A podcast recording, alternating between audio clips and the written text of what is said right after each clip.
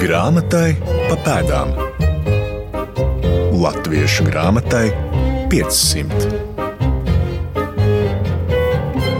Jakobs Lange, latviešu kultūras vēsturē svarīga persona, jo ir pirmā periodiskā izdevuma latviešu ārsta radītājs. Viņš arī izstrādājis plašāko 18. gadsimta latviešu vācu, vācu latviešu vārnīcu. Ar to vien būtu gana, lai raidījumā grāmatai pa pēdām pievērstu sev uzmanību. Taču viņa veikums plašāks. Par vācu tautības mācītāju un valodnieku Jākobu Langi, kurš teicami apguvis latviešu valodu, tad arī būs šīs dienas stāsts. Es, Laima Slava, kopā ar Latvijas Universitātes Literatūras, Folkloras un Mākslas institūta pētnieci Gintu Pērli Sīli došos uz Smilteni, jo svarīgi Langas dzīves gadi saistīti tieši ar vidzemi, ar Ēveles un Smiltenes draudzēm. Aplūkosim Jakobam Langam veltītu izstādi Smiltenes novada muzejā, ko komentēs muzeja vadītāja Ieva Miķa un izglītojošā darba vadītāja Vita Blate. Iegriezīsimies arī Smiltenes evaņģēliski luteriskajā baznīcā, ko laipni izrādīs mācītājs Reinis Kulbergs. Savukārt literatūras zinātniece Māra Grudule sniegs ieskatu Langas privātajā bibliotēkā, izcels viņa vārnīcas nozīmi un arī kādu rakstura īpašību. Grāmatai pa pēdām.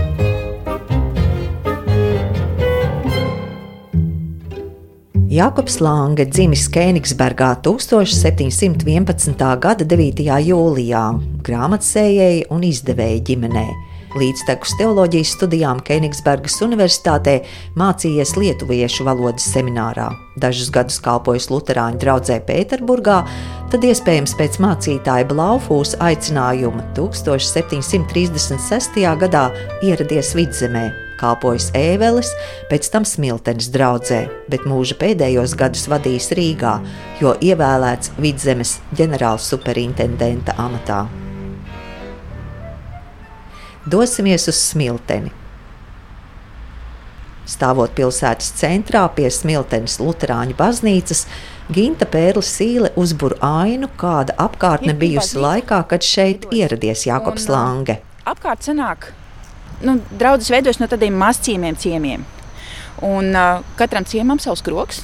Ja mēs paskatāmies uz, uz šo garo māju, tur gan jāpiet mazliet tālāk. Koka māja, kur nāk baltā Viņi bija sākotnēji viens stāvs, tur var redzēt, ka ir uzcelts otrais stāvs. Mm -hmm. Tas ir sākotnējais viens no krogiem. Viss ir bijis ar dārziem, zaļš ļoti. Un tad pamazām sabūvējās arvien vairāk un vairāk. Nākt baznīcā netraucēja piekopt citas lietas. Ilgi vēl netālu no baznīcas ir bijis akmens, tā saucamais nāžāna akmens, kur vēl veikti ziedojumi. Šī pusē ir izplatīta tradīcija, ka, piemēram, ja taisālu cepmaizi, nu, jebko jaunu gatavo, tad pirmais ir vienmēr jāziedo. Mājas gariņam vai vienalga tētiņam, vai kā mēs viņu nosauktu, bet ir tā, šis ziedojums. Un tas ir bijis akmens, uz kura tie ziedojumi bieži vien ir veikti, kur arī ir atstāta naudiņa kāda. Tā kā var brīvi sadzīvot kristīgā ticība, pagānisms, viss pārējais kopā, plus vēl ir arī henhūtieši nu, teorētiski, piemēram, Lāngam vajadzēja vērsties. Tas sakrīt gadi pilnībā ar Hanhotiešu kustības attīstību. Un teorētiski viņam vajadzēja vērsties pret to, ka nenāk baznīcā, bet iet uz citiem šiem sanākšanām. Un skatoties uz, Lāngas darbību, šķiet, ka viņam ir bijis svarīgāk tomēr, lai mācās lasīt, lai mācās rakstīt. Un Hanhotieši to arī dara, pierakstot savus pieredzes stāstus un, un tā. Sveiki! Labdien! Mūs pamanīs mācītājs Rēnis Kulbergs un aicina baznīcā pa mazajām durvīm. Tā no draudzes sakristejas esam ienākuši baznīcas lielajā zālē. Ejot tai cauri, mācītājs min, kas nesen restaurēts, kas valsts aizsardzībā. Kroņlukturi, mm, nu, kas varbūt ir mūsu Tāds interpretējums šobrīd ir atgriezušās daļa no epitāfijām baznīcas zālē, un daļa būs torņa telpā. Baznīcas torņa telpā atjaunots muzejs. Pirms dodamies turp, Ginta pievērš uzmanību epitāfijām pie sienas. Lāngis viena meita, kas aizbraucās uz gulekiem, kur pēc tam mazdēls atgriežas atpakaļ, un kurš uzceļ baznīcu šādā mm. izskatā, kādā viņa ir šobrīd. Nu, jā, otrā pusē bija Hasensteins, kas, ir, kas aprec otru meitu, kas paliek šeit, kā nodrošinot otro to paudzi. Vai ne? Jā, Kad esam muzeja tāpā, Ginta iezīmē ceļu, kā Lange nokļuva vidzemē. Vispirms Ēvelis, tad Smiltenes draudzē. Viņš ir noskatījis savu skolotāju, nācijos meitu pa sievu. Bet, nu, viņam tas naudiņas nav, un tā nu ir jāmeklē vieta. Un tad uh, vidzeme, un nu, tagadējā Latvijas teritorija, Livonija, bija tā vieta, kur salīdzinoši vienkārši varēja vietas dabūt. Viņu uzaicina uz Rīgu Blaufus, kas ir arī viens no tādām nozīmīgām personām mums uzaicina, un viņš arī atbrauc. Bet viņš tobrīd nezina latviešu valodu, viņš zina lietuviešu toties. Un tad ļoti ātrā laikā viņš iemācījās latviešu un spēja noturēt jau to, to pārbaudas dievkalpojumu latviešu valodā. Un, un tikko viņam ir vieta, viņam ir sieva. Un tāda nu, jā, jauna ģimene, kā sāk šķiet ar tādu lielu aizrautību un sirds deksmi. Langi tur strādā. Viņš uh, iesaistot vietējos mužniekus, nodibina četras skolas, veids dažādas, dažādas lietas, lai uzlabotu zemnieku stāvokli un tieši izglītības jomā. Tad pienāk brīdis, kad viņām mirst sieva un bērni. Viņš paliek viens. Un tajā brīdī sakrīt, ka smiltenē mirst iepriekšējais mācītājs Harnaks un vajag jaunu. Un uh, uz šo vietu kandidēja Langi. Bet uh, mācītājus izvēlējās mužnieki. Uh, tajā brīdī smilteni pieder Fenedigeru dzimtai. Un, uh, viņi saprot, jā, ka nevienu citu mēs gribam langi. Un savukārt no langas puses ir tāda izšķiršanās. Viņš ir viens tajā brīdī, viņa mīļie ir kapiņos. Ko darīt tālāk? Viņa aicina arī uz Maskavu. Maskavā būtu jāsaka viss, viss no jauna. Nu, no viņa ierakstiem dienas grāmatā var saprast, ka, nu, ka nē, viņam tie latvieši tomēr ir iemesls, kāpēc viņš paliek šeit. Viņš ir tik daudz ieguldījis jau valodas apguvē. Tajā brīdī viņš principā gandrīz pabeidzis savu uh, vārnīcu. Ir jau šī sadarbība ar, ar Blaufusu. Nu, ir jautājums, jā, kurš ir autors Lange vai Blaufus vidzemes stāstiem, bet uh, ir ļoti daudz kas iesākts. Un tagad to visu pamest, doties uz Maskavu vai palikt šeit. Nu, jā, viņš izvēlas smilteni. Nu, teiksim, domājot par to um, Jākoba Langas um, laiku, ir ne tikai viņa kapa vieta, ne tikai dzīvesvieta, kur viņš ir dzīvojis, tā kā vēsturiski tā, tā situācija, baznīca, kurā ir kalpojis, kaut arī viņa ir pārbūvēta. Jā. Baznīcas muzejā mēs varētu teikt tā, ka pētniekiem būs noteikti vēl jāskatās tie materiāli jāvērtī, bet uh, nu, ir um, saglabājušies ķēzariskie patenti, kas ir 1700. gadu noslēgums, un arī varētu vēl būt pa kādai grāmatai, kas ir nu, saistāms ar viņu laiku. Tā kā mēs varētu nu, pieņemt ar varbūtību, ka kādus papīra dokumentus, grāmatas ir turējušas arī viņa rokas. Ja, un, un tas varbūt tā nu, garām ejot, bet ir atklāts arī teiksim, Smiltenes baznīcas ekspozīcijā, kas ir apkopot kā tāds neliels draudzes muzejs. Jā, tiesa gan arī uh, svētā vakarēdienu trauki, arī tie būtu tie, kas liecina par to laiku. Un viens kroņlukturs, jā, kas pilnīgi noteikti sas, sasaistāms ar mācītāju Jākobu Langas laiku un Smiltenes baznīcu. Un šeit bija arī tūmā droši vien mācītāja mūža, kurā viņš dzīvoja. Jā, mācītāja māja. māja. Tā ir nu, pēc nostāstiem, kad vēl smiltene nebija tā apaugusi ar kokiem, kā tagad nu, pils, pilsēta teritorija, kad agrāk teiksim, viss tika izmantots ganībām un, un apkurei.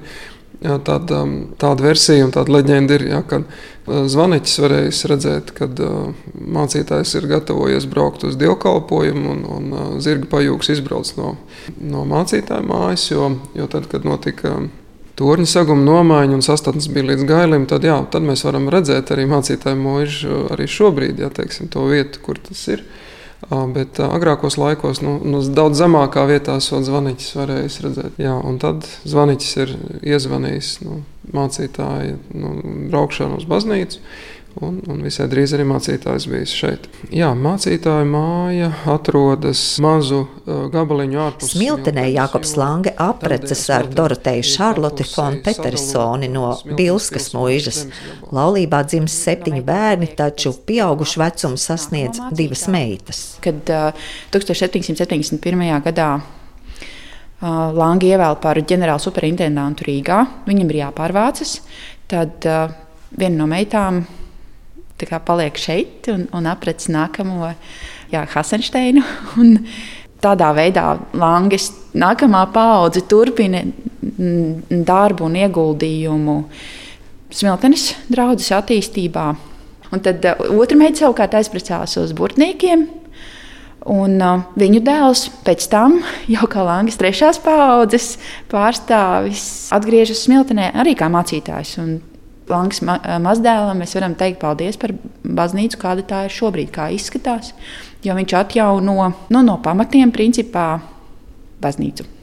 Nu jā, droši vien, ka no Jākoba Langas. Ja par Jākoba Langas laiku, grīdu, tad baznīcas muzejā saglabāti nelieli fragmenti no vecās baznīcas. baznīcas.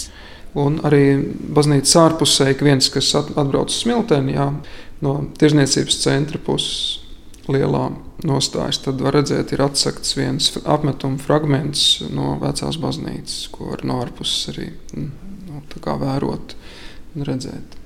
Lai arī Langas laika baznīca nav saglabājusies, iespējas par vietu un dārziem bagāto pilsētu man radies. Artefakta gaismā.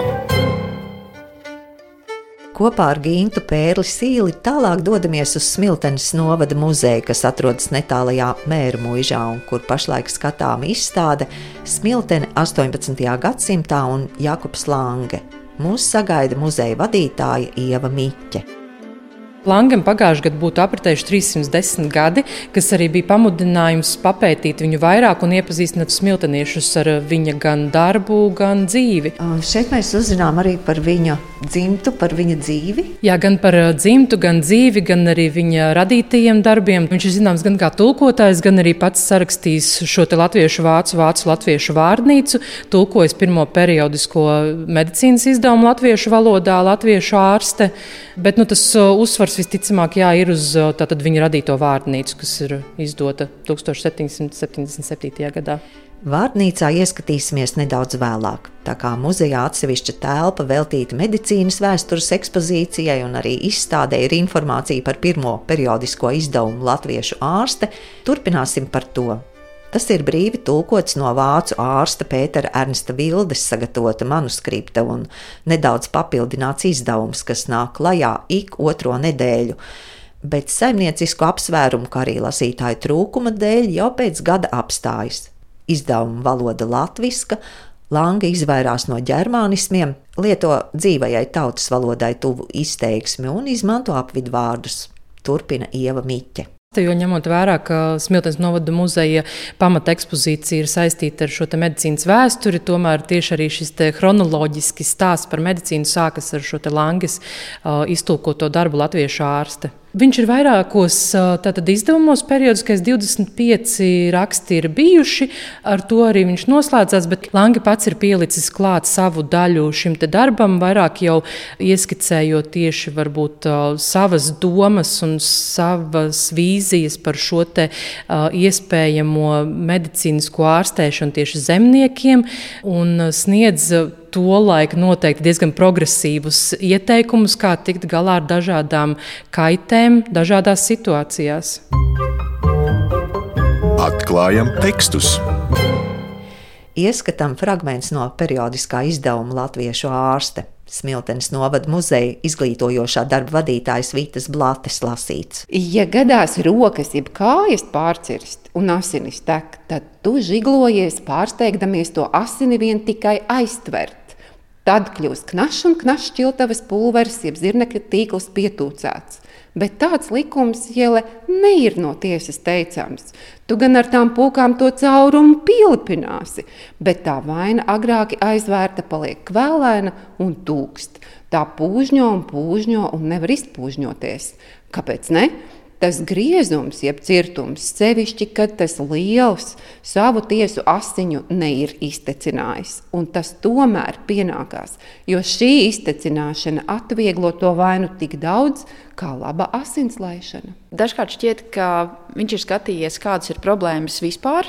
Tālāk Latvijas sabiedrībā un par atsevišķām lietām nu, piezīmējis.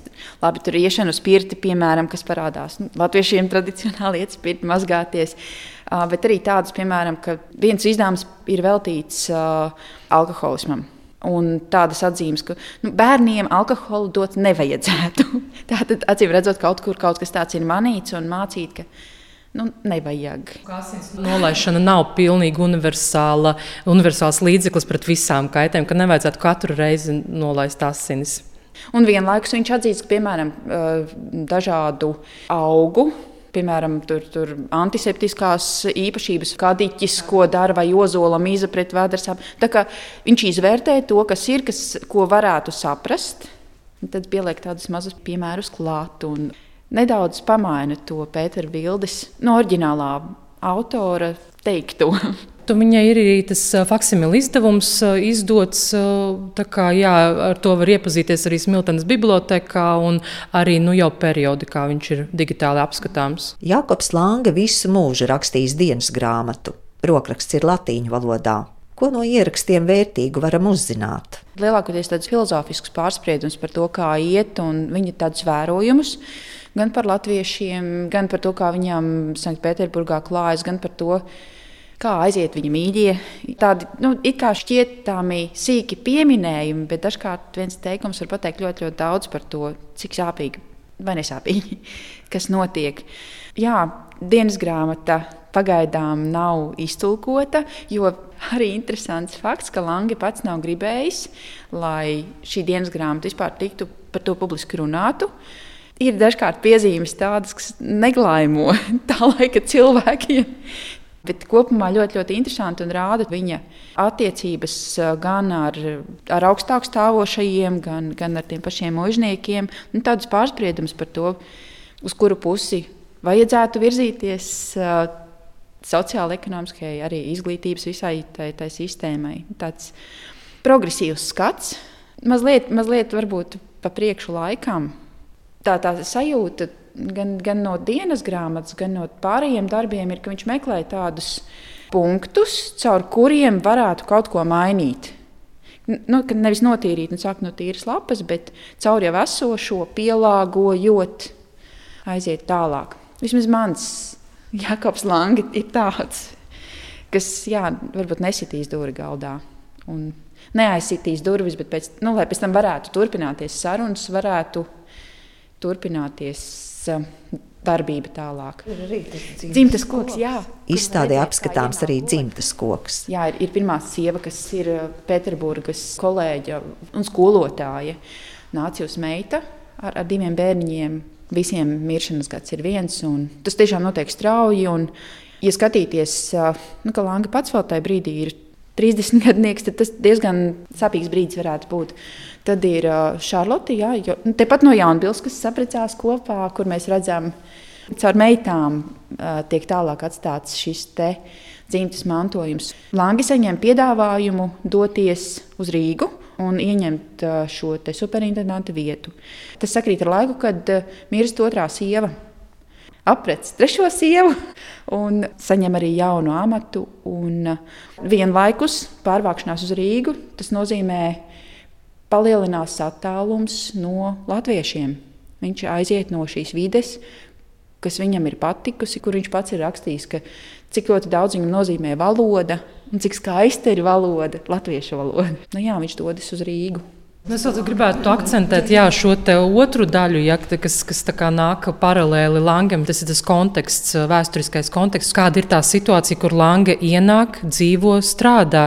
Šeit ir runa par 18. gadsimtu, kas sākas ar lielo ziemeļu karu, ar šiem postījumiem lieliem, mēris, pārējās sociālās un ekonomiskās problēmas. Tā tad paralēli ar šo henhūtiešu kustību, kas arī jau šīs idejas ienāk apgaismības idejas idejas, līdz pat uh, šiem laika biedriem, kas ir tie laika biedri, kas vienlaikus ir uh, tepat netālu arī dzīvojuši, strādājuši un radījuši arī savus darbus. Un, un es gribētu teikt, ka šī izstāde ir tāda nenoslēgta, jo jāsākums Langijā turpinam ar uh, kopumā šo situāciju, un tad šķetinam vaļā tos pārējos šos henhūtiešu kustību un, un tās pārējās idejas. Tā kā sākums turpmākam darbam plašākam. Izstādi palīdzējis veidot mākslinieks Krišs Salmanis. Vizuālais noformējums viņa rokrakstā, un kas svarīgi, izstāde ir ceļojoša, uzsver Ieva Miķa. Šie stendi ir pielāgojami, vedami un, un izmantojami jebkurā vietā. Šobrīd jau izstāde ir paspējusi aizceļot gan uz Smiltenes kultūras centru, gan Smiltenes vidusskolu. Šobrīd viņi ir skatāma mēru mūžā Smiltenes novada muzejā līdz 10. janvārim, un tad viņa ceļos atkal tālāk. Cerams, ka gan visa novada ietveros, jo tomēr Viņi ir pietiekami interesanti pārējiem novada iedzīvotājiem un iestādēm, kā arī varbūt arī ārpus novada valka, kur tā tad savu laiku Langi arī ir kalpojis, un varbūt, ka vēl tā tad tālāk, jo šie darbi, ko viņš ir radījis, tie jau tomēr visai Latvijas sabiedrībai ir pietiekami nozīmīgi, gan šī vārnīca, gan latviešu ārsti, un, un šādā veidā ceram iepazīstināt ar Langi arī varbūt visu Latviju gala rezultātā. Grāmatai pa pēdām. Atgriezīsimies Rīgā. Ar Latvijas Universitātes profesori, literatūras zinātnieci Māru Gruduli tiekos pēc smiltenes brauciena. Māra, man prieks ar jums tikties, jo zinu, ka jums, uh, Lange, ir arī jūsu pētāmo personību sarakstā. Vai tā ir? Un kāpēc?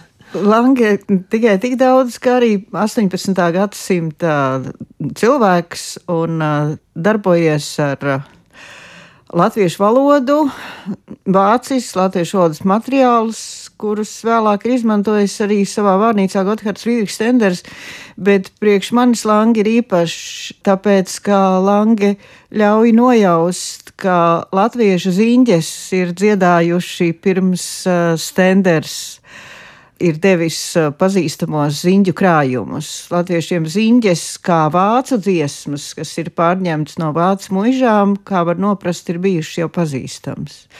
Jo Langi ir pirmais, kurš savā vārnīcā ieliek ziņģi, vārdu ziņģi, un arī norāda, ka ziņģi atšķiras no tradicionālām latviešu dziesmām ar to, ka tai ir cits ritms, ir atskaņas, kas nav latviešu tautsdziesmās, un visticamāk ziņģi viņi ir pārņēmuši no vācu mūžas.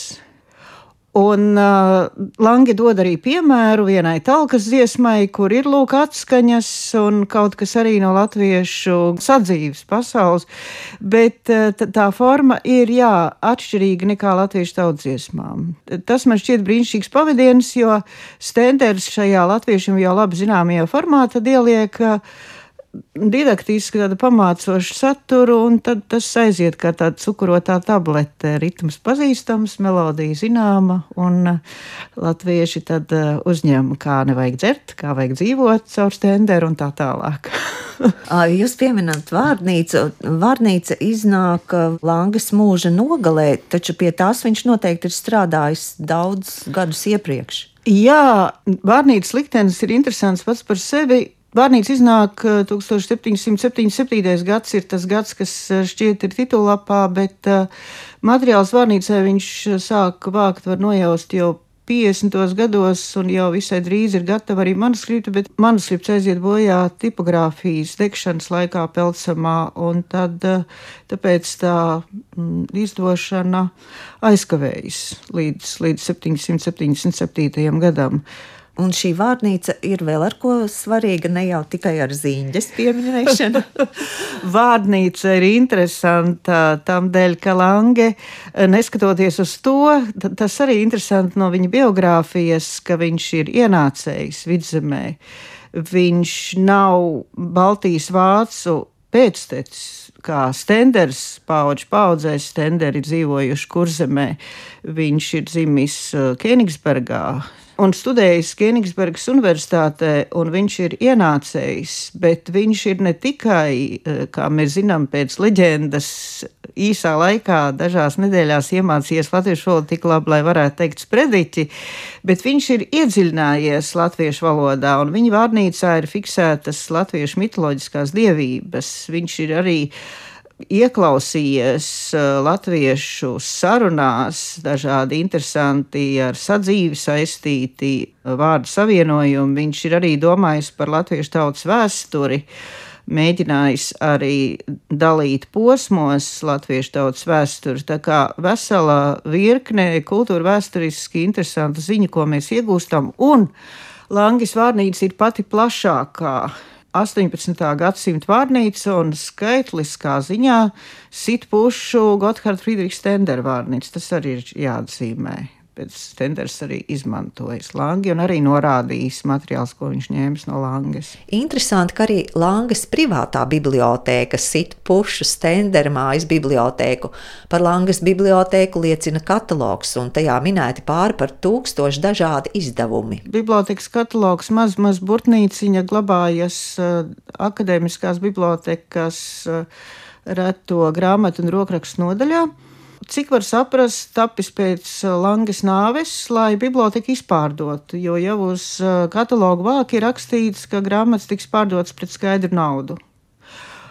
Katalogs ir sakārtots varbūt mūsdienu katalogu interesantiem uh, negaidītā kārtībā. Grāmatas ir pēc formāta. Nevis alfabētiskā secībā. Grāmatas ir norādītas viena otra precīzāk, daža cita aprakstoši. Tur ir piemēram vadamēkuma. Mēs varam domāt, ka tā varētu būt Mansļa grāmata, bet nosaukums ir populārs reliģiskās literatūras nosaukuma vidū, un uzreiz tādu secinājumu izdarīt mēs nevaram.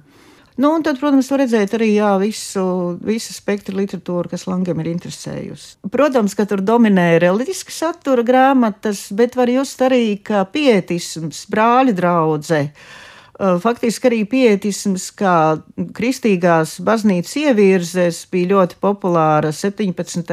un 18. gadsimtā. Ir arī viņam interesējusi tādā, nu, teiksim, reliģiski filozofiskā aspektā, un ir ļoti plaša spektra literatūra.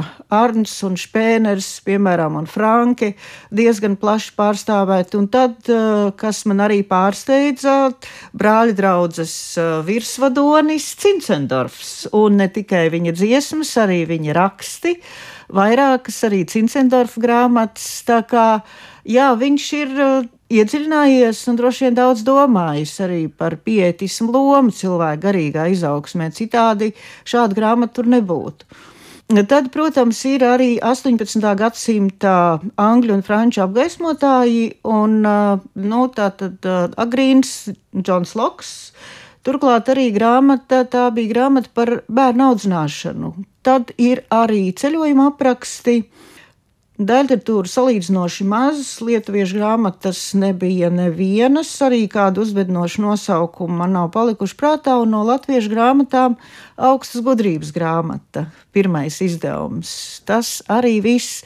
Protams, mēs nevaram teikt, ka tās ir visas grāmatas, kas ir bijušas Langas bibliotekā, varbūt kādas ir paņēmuši kādi mācītāji vai kolēģi, un tas ir tas, kas ir palicis pāri tālāk pārdošanai vai varbūt ģimene. Grūti pateikt. Tā tad Lange, kā jau noskaidrojām, viņš nav um, šejienietis, viņš ir ienācējs. Ko mēs vispār zinām par viņa biogrāfiju vai kādi svarīgi viņa dzīves posmi, kas būtu izceļami? Man šķiet interesanti, ka viņa biogrāfija ļauj arī iezīmēt kādas langas raksturšķautnes, un tās uh, ir saistīts ar viņa jaunību, kur viņš tika ņemts līdzi vairākos braucienos, gan pa tuvējo apkārtni, turpat uh, pa Austrumprūsijas novadiem, tāpat arī pa Ziemeļu Krievijas eh, novadiem un tāpat arī pa Baltiju, lai novērotu, kādas sekas ir atstājis aizgājušais karš un kā ir ar eh, reliģisko dzīvi. Un kādēļ viņš tika ņemts līdzi kā lietvedis, kā skrīveris, kā dokumentētājs, bet arī tādēļ, ka viņam bija ļoti saticīgs raksturs. Un tas man šķiet ļoti jauki. Es domāju, ka arī tie posteņi, kurus viņš vēlāk ieguva vidzemēs, ir strādājot kā draugs mācītājs Ēvelē, tad Cēsīs un visbeidzot arī Rīgā karjerā aizkļūstot līdz ģenerāla superintendenta amatam, tātad vidzemes baznīcas galvam, viņam bija ļoti piemērota tieši tajā laikā, kad uh, ienāca brāļa draudzes idejas, hankūtiešu idejas vidzemē no vienas puses, un no otras puses, protams, konservatīvā luteriskā baznīca vidzemē nebija tik viennozīmīgi noskaņota par labu hankūtismam. Nu, arī cik mēs zinām no Langas biogrāfijas, tad viņš bija nogaidoši saprotošs, un mēs nevaram teikt, ka viņš būtu atbalstījis gan lēmumus pieņemot, gan arī savas uh, baznīcas tātad, uh, tekstus veidojot uh, hanhotieši, bet viņš bija nogaidošs, un es domāju, ka arī saskatīja vērtīgās puses, arī Lutheriskajai baznīcai vērtīgās puses, ko deva herhotisms no atturēšanas no dzeršanas, no garīgās dzīves, izkopšanas cilvēkos un uh, dažādu rituālu un arī baznīcas birokrātisko prasību, tas ir kristības, laulības rituāli, ievērošanas un reģistrācijas un tā tālāk un tā joprojām. Tas ļoti simpātiski bija jāprot tikt galā ar dažādi domājošiem cilvēkiem un grupām. Dažādas domas arī mūsdienu pētniekiem par to, vai Langas vārds saistāms ar Friedriha Bernhārda Blaufūsa 18. gadsimta vidū sarakstīto vidzemes vēstures apcerējumu. Tur ir vēl pētāms tas jautājums. Ja? Es domāju, ka to diez vai izdosies noskaidrot. Tas mulsinošākais fakts ir Blaufūsa intereses un Langas intereses, kur sanāk kopā. Viņi abi bija pazīstami un domājams arī, ka Blaufūs uzaicināja Langi tieši uz kaimiņu draudu strādāt un arī iedrošināja Langi teikt šo te pirmo sprediķu pēc trim nedēļām latviešu valodā un balstīja viņu arī visādos citādos veidos. Un, Ja mēs skatāmies uz šo latviešu vēstures stāstu, tad mēs atrodam tur iekļauts idejas, kas ir ļoti raksturīgas Langes, bet ne Blaufūs interešu lokam kaut vai latviešu mitoloģijas aprakstus. Jau minēja, ka ir minētas mitoloģiskās dievības Langas vārnīcā, un arī parādās šajā manuskriptā pie tam tās pašas. Tas apraksts arī ļoti līdzīgs. Tas ir viens, tad es minēju Langas atskatu uz latviešu tautas vēsturi. Arī tas sadalījums pa periodiem atbilst tam, ko mēs atrodam Langas vārnīcā un tad arī interesi par dzēju.